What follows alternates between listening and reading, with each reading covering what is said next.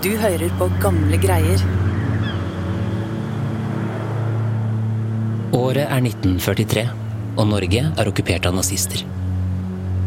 Fiskeren Alf Jørgensen fra Arnøya i Troms lever et vanlig liv som familiefar og fisker. Før livet blir snudd opp ned av tilfeldigheter og storpolitikk. Han hjelper to partisaner, motstandsmenn i russisk tjeneste, som skjuler seg på øya.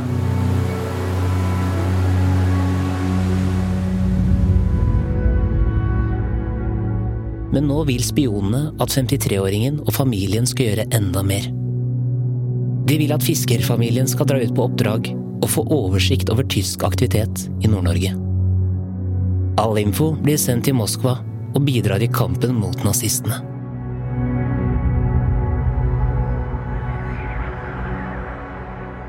Brått blir dobbeltlivet til Jørgensen-familien enda farligere. Og fiskeren begynner å bli urolig for nazistenes blikk.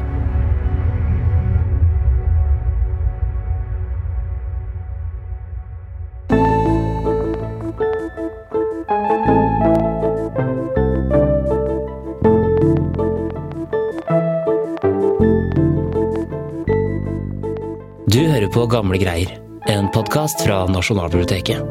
Jeg heter Lars Hamren Risberg.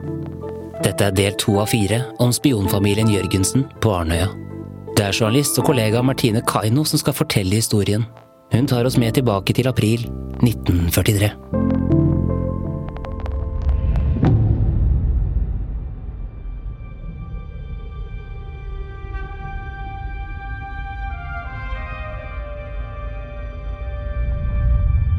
På Arnøya begynte Alf og familien i all hemmelighet å legge planer for hvordan de best mulig kunne spionere på tyskerne uten å vekke mistanke. De landa på at det minst oppsiktsvekkende ville bli hvis de dro ut to og to. Først skulle Alf og dattera Elise dra nordover, til Alta på en slags prøvetur. Hvis det var vellykka, kunne de unge voksne i huset reise mer.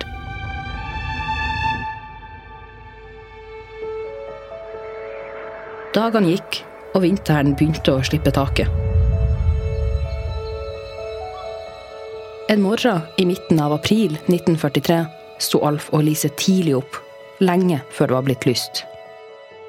De pakka med seg en sekk med niste, penn og papir. Så kledde de godt på seg og gikk for å rekke bussen. De hadde planlagt alt nøye.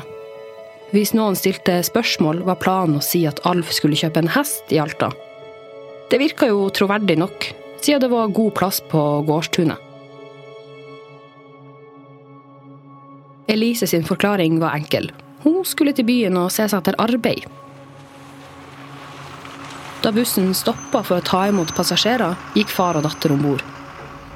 Utenifra så ut som hvordan som helst passasjer som hadde viktig ærend i byen. At de nå på et vis var hemmelige agenter, måtte ingen få vite om. Bussturen til Alta var lang, og på ettermiddagen, da de rulla langs fjorden på den ene sida av veien, og de høye, runde fjellene på den andre, la Alf merke til et skip.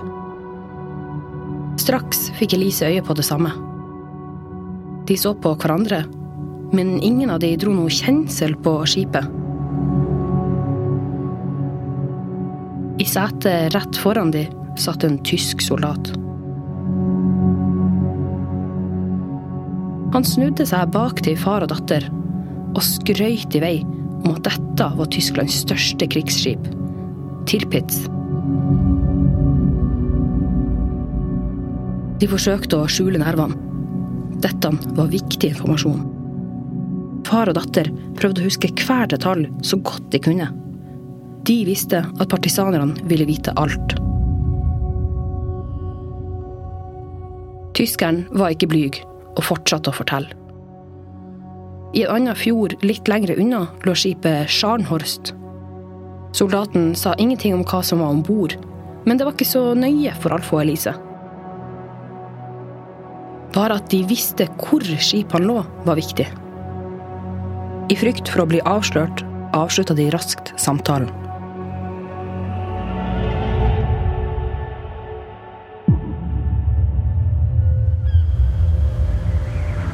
Nesten umiddelbart etter den lange reisen nordover tok Alf beina fatt og gikk ut i hula i Rotvåg. Med seg på den kronglete stien bærte han flere kilo mat som agentene skulle ha. Og ikke minst den viktige notatboka. Der sto det flere sider skrevet opp og ned om nazistenes bevegelser i Finnmark. Da han endelig kom fram mellom krattet, ropte han ut 'Piksja!' Det var Alf sitt dekknavn.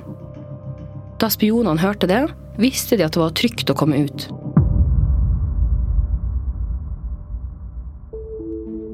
Med stor iver fortalte Alf alt han og Elise hadde sett på turen til Alta. Ingolf lyste opp og fortalte Alf at dette var toppopplysninger. Spionoppdraget hadde vært en braksuksess, og nå hadde far og datter bidratt i kampen mot okkupantene. De satte seg ned, og Ingolf dro fram et kart han hadde i lomma, og markerte stedene Alf beskrev.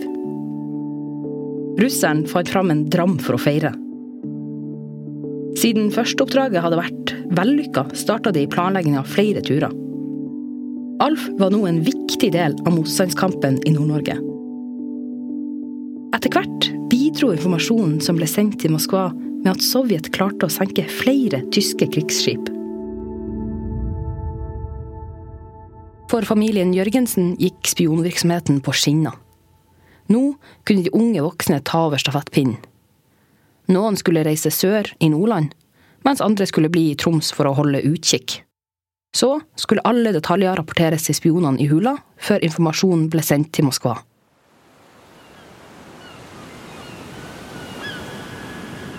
En maidag da Alf og dattera Elise gikk med matforsyninga til agentene, la de merke til en fremmed båt ute på sjøen.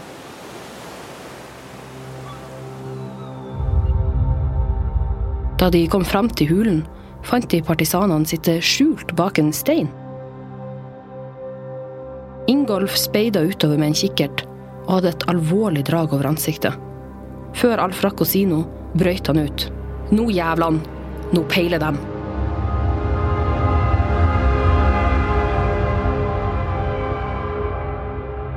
Dattera Elise skvatt til av utbruddet.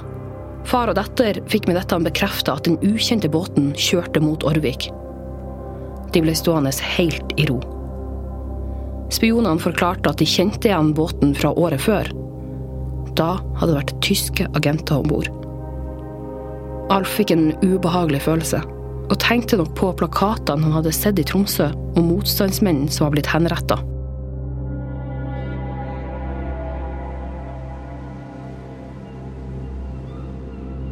Far og datter hadde gått tilbake til Årvik. I den milde vårlufta rusla de gjennom bygda. Alf la merke til hvor stille og rolig det var. Men så snart han gikk inn i huset, var freden over. Han ble møtt av kona Petra, som så forskrekka på han. Alvorlig fortalte hun at det hadde vært folk fra Tromsø og stilt spørsmål. En av mennene hadde hatt tykk aksent og var sannsynligvis tysk. De ville vite om det var noen som visste om det var fremmedfolk på øya. Til tross for den urovekkende nyheten kjente Alf på en merkelig ro. Hadde noen i bygda faktisk fortalt tyskerne noe viktig, så hadde jo ikke han og kona sittet sammen rundt kjøkkenbordet.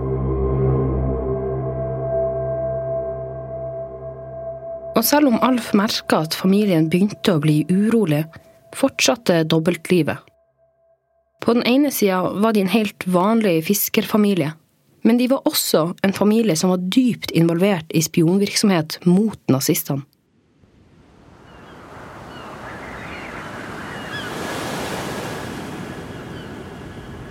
En dag i juni, da Alf var på en av sine vanlige turer ut i hula, så var ikke partisanene til å finne.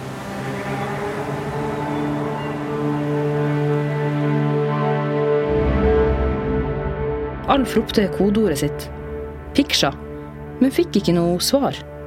Dette var underlig. Han bestemte seg for å gå videre til broren Otto i Rotvåg, for å høre om han visste hvor agentene var blitt av. De ville vel ikke bare dratt uten å si ifra?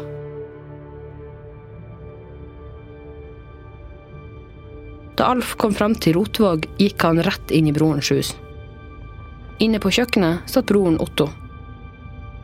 Før Alf stilte noen spørsmål, satte han i gang. Spionene hadde flytta ut av hula. Broren forklarte at den ene spionen, Ingolf, var bekymra over at for mange visste hvor de skjulte seg. Og at det ikke lenger var trygt å bli værende der ute.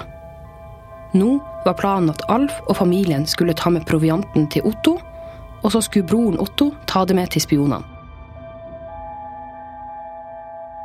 Alf lot det hele synke inn.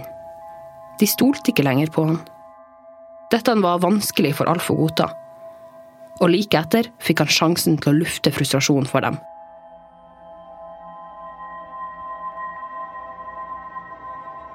Ingolf og russeren kom inn i huset. Det var mye Alf irriterte seg over, og nå kokte det over. Den siste tida hadde spionene skutt flere sauer på øya som tilhørte naboene. Det hadde blitt vanskelig å forklare i bygda hva som skjedde. Og han skaffa andre bønder flere sauer i erstatning. Alf følte nå at han hadde ofra altfor mye for å bli kutta ut på denne måten. Det var utrolig nedverdigende, og Alf lufta sinnet for spionene. Men da slo Ingolf rasende tilbake. Menn ropte så høyt til hverandre at de få naboene kunne ha hørt dem. Helt frem til Ingolf utbrøt. Det kan hende du må likvideres.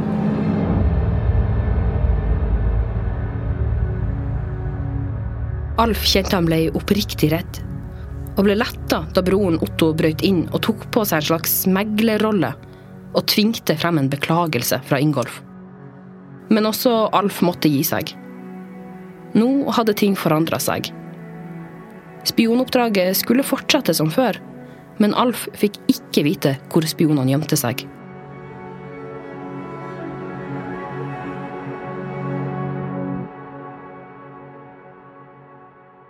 I den nye hverdagen forsøkte familien å opprettholde et slags system. Selv om spionene hadde innført nye sikkerhetstiltak, var det ikke lett for Alf å senke skuldrene. Han bekymra seg stadig mer over den tyske aktiviteten i området. Ofte fikk han høre fra bekjente at tyske soldater og skip besøkte naboøyene og stilte spørsmål. Det virka som om nazistene var på sporet av noe. Tilliten Alf hadde til spionen Ingolf, var på dette tidspunktet helt tynnslitt. Og Alf opplevde nok en slags avmakt over hele situasjonen. Den eneste medisinen for angsten var spriten partisanene hadde tatt med seg til øya. Når Alf tok en slurk av vodkaen, varma det godt i kroppen, og bekymringen slapp taket en liten stund. Alf, som hadde holdt sin del av avtalen, kjente på en bitterhet overfor spionene. Likevel hadde de blitt som en del av familien, og konflikten ble etter hvert glatta over. De var tross alt på samme lag. De måtte stå sammen. En sensommerdag i begynnelsen av august satt Alf og familien tett i tett hjemme i stua hos broren Otto i Rotvåg. Praten gikk livlig, det var god stemning. Det varme sommerlyset strømma inn gjennom vinduene. De var samla til fest. Hele storfamilien og spionene var sammen for å feire Otto sin bursdag. Det ble servert drinker, og på bordet sto en kake. De lo og koste seg mens de mimra og barna lekte. Alf satte pris på at de kunne samles på dette viset og glemme krigen som raste av gårde.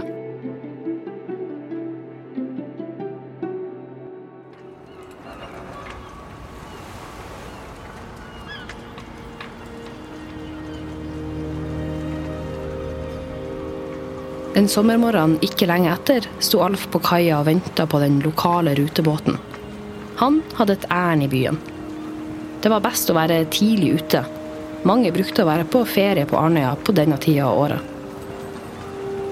Alf hadde fått en tidlig plass i køen og kunne se ned på kråkebollen i sjøen.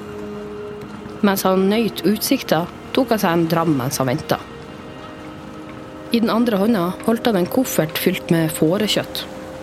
Spionene hadde skutt nok en sau. Planen var å bytte kjøttet mot annen mat i Tromsø på svartebørsen. Familien hadde tært gjennom smør, sukker og gryn, og Alf måtte skaffe nytt til spionene.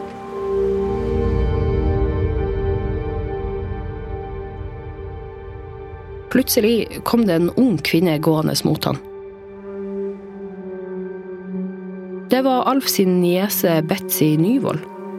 Hun stilte seg ved siden av ham på kaia. Betzy var i 20-årene, pent kledd, og det mørke håret var satt opp i en knute.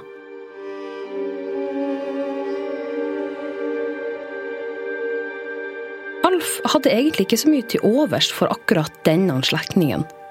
Han så på henne og ble avbrutt av et spørsmål. Bryskt spurte hun hva han hadde i kofferten som var så tungt.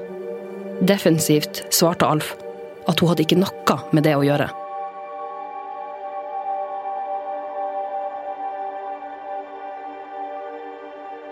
Flere i familien til Alf hadde møtt henne i bygda de siste dagene, og rapportert nervøst om urovekkende nyheter. Betzy var nemlig medlem av det nazistiske partiet NS, og jobba nå som sekretær i tyskernes tjeneste. Enda verre til hadde hun på et eller annet vis fått vite om spionene i hula, og bedt Alfs datter ta avstand fra faren. Begge ble sinte, og de mange folkene rundt merka den dårlige stemninga. Idet båten la til kai, eksploderte det for Alf. Han syntes ikke noe om tyskerne sin invasjon, og enda mindre at en i familien jobba for dem. Og det skulle hun nå få høre. Alf buldra mot Betzy. Hun var en tyskertøs. Betzy sendte Alf et rasende blikk, før hun snudde om og gikk om bord i båten, og forsvant ned i mannskapets rom.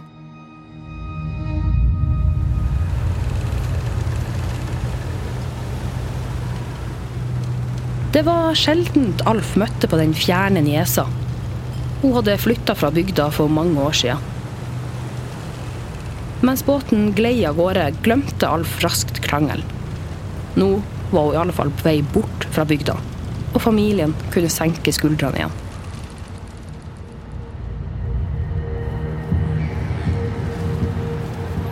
Vel framme i Tromsø gikk Alf den korte veien opp til Hotell Norge. Mens han gikk gjennom handlegaten, la han merke til tyske soldater i mørke uniformer. Etter så mange år med okkupasjon var de et normalt syn i byen. Men selv om det var vanlig, var stemninga langt mer dyster enn den brukte å være. Det tok ikke lang tid før Bjarne tok han imot i resepsjonen. Og som vanlig skrev han ikke navnet til Alf inn i gjesteboka. Slik sørga han for at besøket ikke skulle legge igjen noen spor. Sammen gikk de inn på kontoret til direktøren. Da døra var godt lukka, åpna Alf kofferten, og ut trilla det et lass med kjøtt. Dette skulle være mulig å få bytta fra seg, forsikra direktøren om. Gjennom kvelden utforska de mulighetene, før Alf sank ned i den luksuriøse hotellsenga for natta. Selv om turene til Tromsø var stressende for Alf, sovna han raskt, med vissheten om hjelpen fra Bjarne. Alf hadde nå vært to netter i Tromsø, og på morgenen var han ute for å gjøre de siste ærene i byen. Mens han gikk fra butikk til butikk i den grønne, frodige sommerbyen, fulgte han nøye med på aktiviteten. Han fikk vite at det var flere tyske skip i og rundt Tromsø. Alf noterte seg alt, og var fornøyd med å ha ny informasjon til spionene.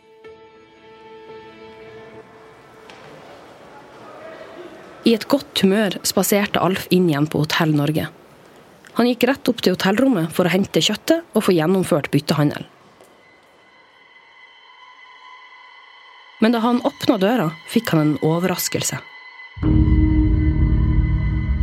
Der inne på rommet hans sto det en tysk soldat. Alf kjente pulsen stige.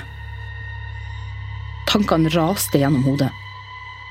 Hva visste nazistene om det han hadde gjort? Og hadde noen forrådt han? Soldaten sendte ham et iskaldt blikk. og ga han streng beskjed om at SIPO, det tyske sikkerhetspolitiet, hadde lyst til å snakke med han. Alf måtte bli med til nazistenes hovedkvarter i byen.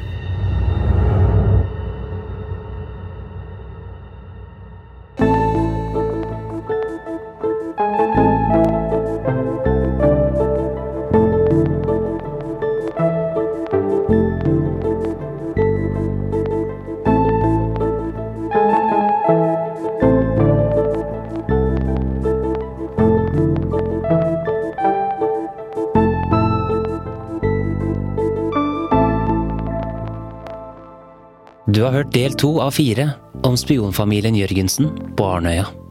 Denne episoden er laget av Martine Kaino, Dangtrin og meg, Lars Hamren Risberg. Kilder til episoden er bøkene Drama på Arnøy av journalist og forfatter Kjell Fjørtoft, Kulturminner på Arnøy og Laukøy i Nord-Troms, Ei vandring gjennom tid, landskap og historie av Eirin Holberg, Krigen i nord, fra Murmansk til Arnøy av Nils Henry Johansen, Nasjonalbibliotekets egen avissamling og dokumenter fra landsviksoppgjøret. Takk til lokalhistoriker og tidligere lærer Kåre Nilsen og lokalhistoriker Bjørn Tore Nøkkelby. Musikken du har hørt i denne episoden er fra Epidemic Sound og Therese Aune. Mitt navn er Lars Hamren Risberg. På gjenhør.